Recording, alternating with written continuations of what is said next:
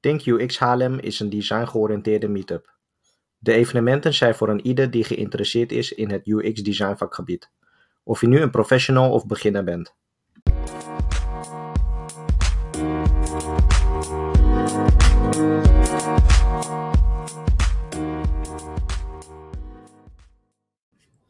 Hi allemaal, ik ben Alexander. Welkom bij de allereerste editie van de Think UX Haarlem podcast.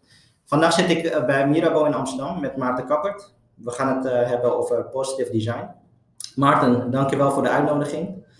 Kan jij ons, uh, kan je jezelf in het kort introduceren aan onze luisteraars? Ja, ik ben Maarten Kappert. Ik werk hier als, als digitaal stratege bij, bij Mirabeau. Mirabeau is een digital agency. Um, en als stratege help ik onze klanten om de juiste keuze te maken op het digitale domein. En dan met name in relatie uh, tot gebruikers. Um, er zijn uh, flinke budgetten over, uh, vaak mee gemoeid. We werken voor vrij grote klanten, dus het is aan ons om dat zo goed en grondig mogelijk te doen. Dus dat betekent dat we ons verdiepen in, in, natuurlijk in onze klanten zelf, maar ook in de markt, in de mogelijkheden van nieuwe technologieën en vooral ook in de levens van de mensen die hun producten gebruiken. Wij gaan het vandaag met je hebben over positive design. Kan je ons in het kort uitleggen wat het is? Ja, positive design wil eigenlijk zeggen um, dat je je producten zo ontwerpt dat ze een positief en geen schadelijk uh, effect hebben op de wereld, op de samenleving, op het milieu.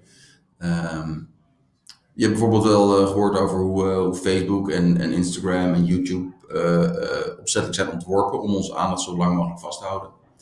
En uh, dat noemen ze de time spent. Daar wordt voor geoptimaliseerd. Hè? Jou zo lang mogelijk uh, op, op de platform te houden.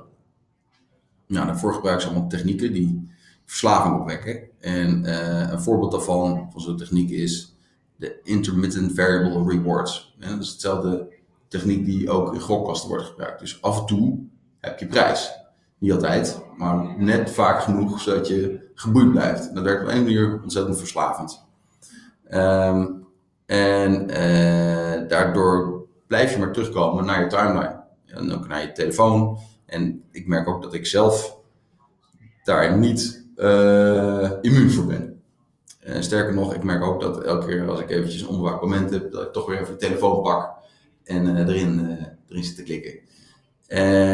en, en dat vind ik schadelijk, denk ik. En ik vind het schadelijk omdat ik graag dat ik merk dat ik soms minder graag tijd doorbreng met mijn telefoon en met mijn dochter. En uh, dat ik uh, soms uh, ongeduldiger word. Hè? Het moet nou wel snel leuk worden, want anders pak ik die telefoon weer, want daar is altijd iets leuks te doen. En ik denk ook dat ik er. Ik ben ook niet trots op dat gedrag. Weet je? Het is ook slecht voor mezelf, dat is niet wie ik wil zijn. Ja. Als het voor mij geldt, dan denk ik dat het. Dat, dat, dat merk ik ook wel uit mijn onderzoek, dat dat veel, heel veel meer mensen gaat. Uh, dus dat soort, dat soort, dat soort uh, technieken, die hebben dus blijkbaar uh, een breder effect dan, dan uh, oorspronkelijk ooit bedoeld is. Zie je positive design als een movement? Nou, movement, ik zie het meer als een, als een misschien een cluster aan, uh, aan movements. Um, we hadden het net over, over uh, uh, de attention economy met Facebook. die probeer je allemaal zo, zo lang mogelijk op een platform te houden en gebruik daar allemaal technieken voor. Maar ook als je het hebt over onze eigen, of dus wat voor Mirabeau wat dichterbij ligt, onze klanten. Um, hebben wij ook, ontwerpen ook technologie die een bepaalde effect heeft waar je vragen bij kunt stellen. we hebben het over uh, uh, de, de als het negatieve effect van personalisatie. Hè, mensen alleen maar te zien krijgen wat, uh, wat ze al denken of uh, uh, wat ze al leuk vinden. En dus heel weinig in aanraking komen met nieuwe ideeën of nieuwe, nieuwe dingen. daar kun je wat van vinden. Hetzelfde geldt voor, voor privacy. we gaan vaker en makkelijker, dus we proberen allemaal nog vaker en meer data te ontfutselen aan onze klanten onze klanten. Uh, en stellen ons daarbij eigenlijk niet zo heel erg de vraag: is het nou ook in de best interest van onze gebruikers zelf? Vind ik een heel interessant onderwerp. Dan heb je dingen als sustainable UX en accessibility. En zo zijn er nog een aantal onderwerpen die allemaal ehm, hetzelfde doel hebben. En dat is denk ik het, het, doel van Positive Design. En dat het doel is het heroriënteren van bedrijven in de richting van wat het beste is voor de samenleving. Waarom vind je het belangrijk om de boodschap over positive design te verspreiden? Um, nou, first of all denk ik, uh, uh, ik vind technologie te gek. Dat is echt waar, weet je, want uh, technologie heeft ons, heeft ons en blijft ons superveel waardevolle verbeteringen leveren. Hè? Vroeger zat je met je kaart, ging je naar Frankrijk en had je een kaart in het levensgevaarlijk om je weg te vinden. Nu hebben TomTom en die vertelt je gewoon waar je toe moet. Geweldig en het maakt gewoon het autorijden veiliger. En, Google geeft je alle kennis van de wereld in, in een klein schermpje. Um, Facebook, ja, voor alles wat ze, wat ze verkeerd doen, ze ons heel veel geweldige dingen. Hè. Je kan je, je oude schoolvrienden terugvinden en makkelijk groepjes oprichten. En, um, het is belangrijk geweest bij, bij revoluties tegenwoordig, vertellen ze ook heel graag. Dus, en het is allemaal waar. Weet je, en het, wat, je, wat je wel ziet is dat onze onze designkeuzes op technologiegebied gebied, um, meer impact hebben dan waar we gewend zijn om rekening mee te houden. En ik denk dat dat is iets waar we, uh, waar we meer uh, aandacht voor moeten hebben. Waarom zou het bedrijf goed doen om hier bewust mee om te gaan? Nou, ik denk dat het belangrijk is dat, dat om te beseffen dat als je aankomt met ethische, ethische motieven, hè, ja, het is belangrijk, het is goed voor de wereld, daar zijn over het algemeen bedrijven niet zo heel gevoelig voor. Uh, ze worden in de basis niet gedreven door ethische motieven, ze worden door commerciële motieven gedreven. Ze bestaan om geld te verdienen met hun producten en diensten. En dat, op zich is dat prima. Ja. Hè? Uh, de mensen krijgen erdoor uh, een plek op te werken en ze kunnen zich lekker, lekker bezig zijn. Nou, heel goed. Heel goed. Um, en we hebben producten en diensten nodig, super. Maar we hoeven niet de illusie te hebben dat we de koers van bedrijven kunnen veranderen door ze op te wijzen dat het, dat het onethisch is of onverantwoordelijk. Dus, maar dat hoeft ook niet, want er is, um, er is een duidelijke, er is een duidelijke connectie tussen, tussen het gedrag van bedrijven en het vertrouwen dat ze krijgen van de klanten.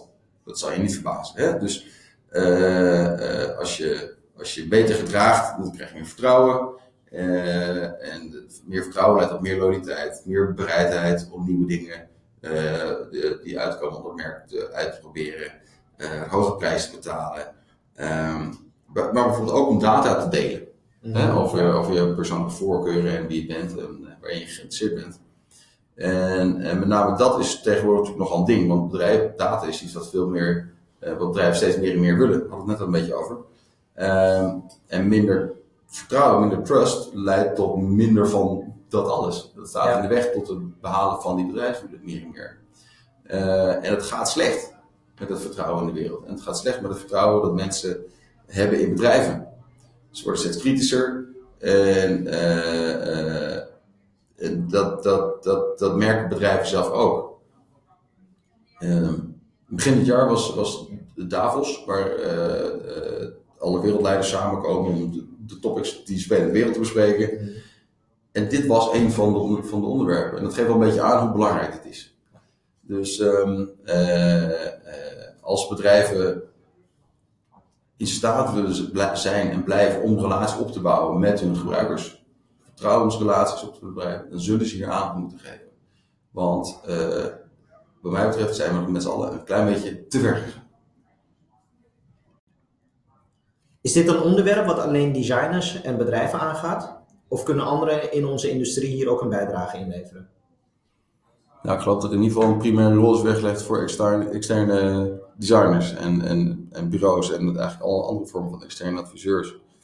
Uh, om, om bedrijven in beweging te krijgen uh, en, de, complexe systemen die bedrijven zijn, moeten dus eigenlijk op alle lagen moet, uh, moeten dingen veranderen. Eh, en, en, wij als designers uh, doen dat aan de oppervlakte. Ja. aan de interfacekant. En uh, managementadviseurs doen wat middellagen. En dan heb je business strategen doen het in de kern. Uh, Maar uh, bedrijven vinden het over het algemeen vrij moeilijk om te veranderen. En wij als designers moeten bedrijven helpen. En we moeten ze dat naar het alternatief begeleiden. Uh, en ik denk dat het belangrijk is dat wij als designers dat niet doen door te proberen te overtuigen met argumenten. Dat is belangrijk. Zo, moeten we doen. We moeten het vooral doen. We moeten vooral er gewoon insneaken. He, dus dus je, kunt, je kunt morgen al in je ontwerp een, uh, een filter introduceren dat, dat producten sorteert op duurzaamheid, bijvoorbeeld. Of je kunt uh, in een registratieproces kunt vormgeven um, dat je, waar, waarbij je uh, transparanter bent over welke data we gaan gebruiken om, en waarom. Weet je? Het is helemaal niet erg om te vertellen dat wij een businessmodel hebben uh, wat advertenties gebruikt. Het houdt namelijk de site gratis. Dat is prima. Weet je? Dat, hebben mensen, dat snappen mensen wel. Um, dus daar kun je gewoon over communiceren en daar hoef je niet zo bang over zijn. Ja. Juist die eerlijkheid en transparantie is waar mensen hun vertrouwen op baseren. Dus, um, en je kunt, uh, je kunt een, uh, nou, noem dat als voorbeeld. Hebben we het over personalisatie en je filterbubble. Laat nou af en toe een keer in je ontwerp, geef er een plek voor iets wat, wat daar buiten die, die selectie valt. Het zijn allemaal dingetjes die, die, die, die je morgen eigenlijk wel zou kunnen doen. Gewoon om in de oogschouw te hebben van, oké, wat is nou het beste voor mensen? Is dit nou het, uh, uh, lopen ze mijn doodlopende straat in? Of moet ik ze af en toe begrijpen breken? Dus het echt het allerbelangrijkste is geen toestemming vragen, niet bespreken, gewoon doen. Gewoon doen. Hè?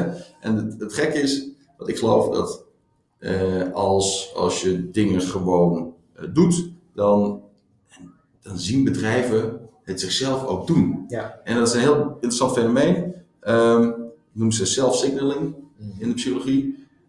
Als bedrijven of mensen überhaupt zichzelf iets zien doen, hun eigen gedrag terugbekijken, dan passen ze daarop hun zelfbeeld aan. En uh, dan gaan ze het vanzelf vaker doen. Um, dus dat vind ik, uh, dat is denk ik gewoon, gewoon go.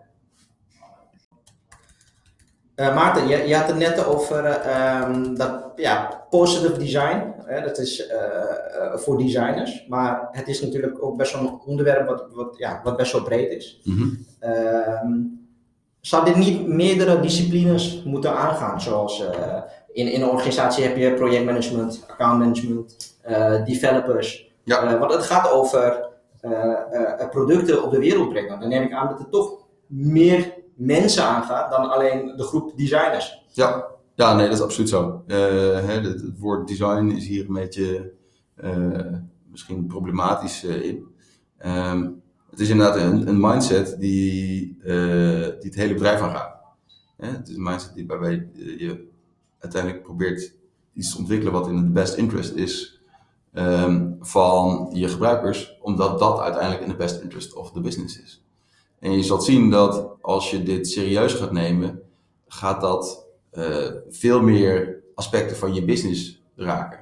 En van je, van je noem het even je ontwerpproces want uh, als je gaat, uh, en dat willen we allemaal zo goed mogelijk kunnen doen als bedrijven, uh, zo goed mogelijk luisteren naar onze eindgebruikers, um, dan zul je zien dat je, dat je, je wil steeds meer dingen weten, maar misschien wil je nu ook wat andere dingen weten. nu kijken we, oké, hoe ziet je journey eruit? Hoe ziet je, je pain points eruit? En waardoor word je getriggerd, et cetera.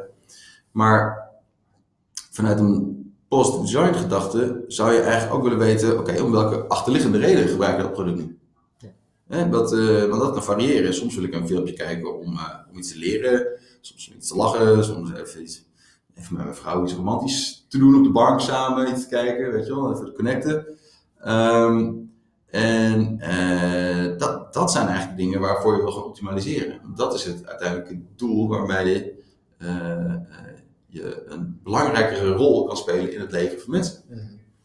En um, dus dat je gaat optimaliseren voor, voor dat soort aspecten in plaats van voor kliks of, of timesplit. En dat gaat een hele organisatie aan. Het gaat over KPI's, het gaat over metrics, het gaat over um, je proces daarop inrichten en daarop managen.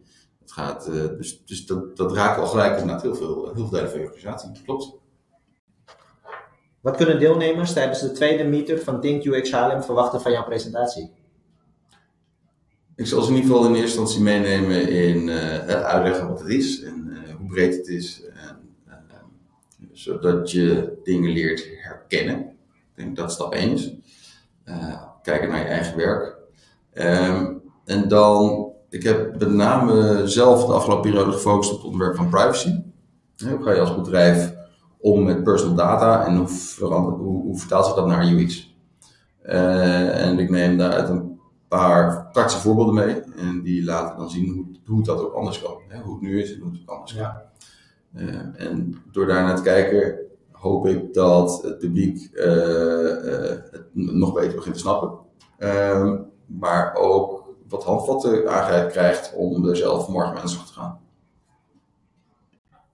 Nou, we zijn alweer aan het einde gekomen van de eerste aflevering van onze podcast.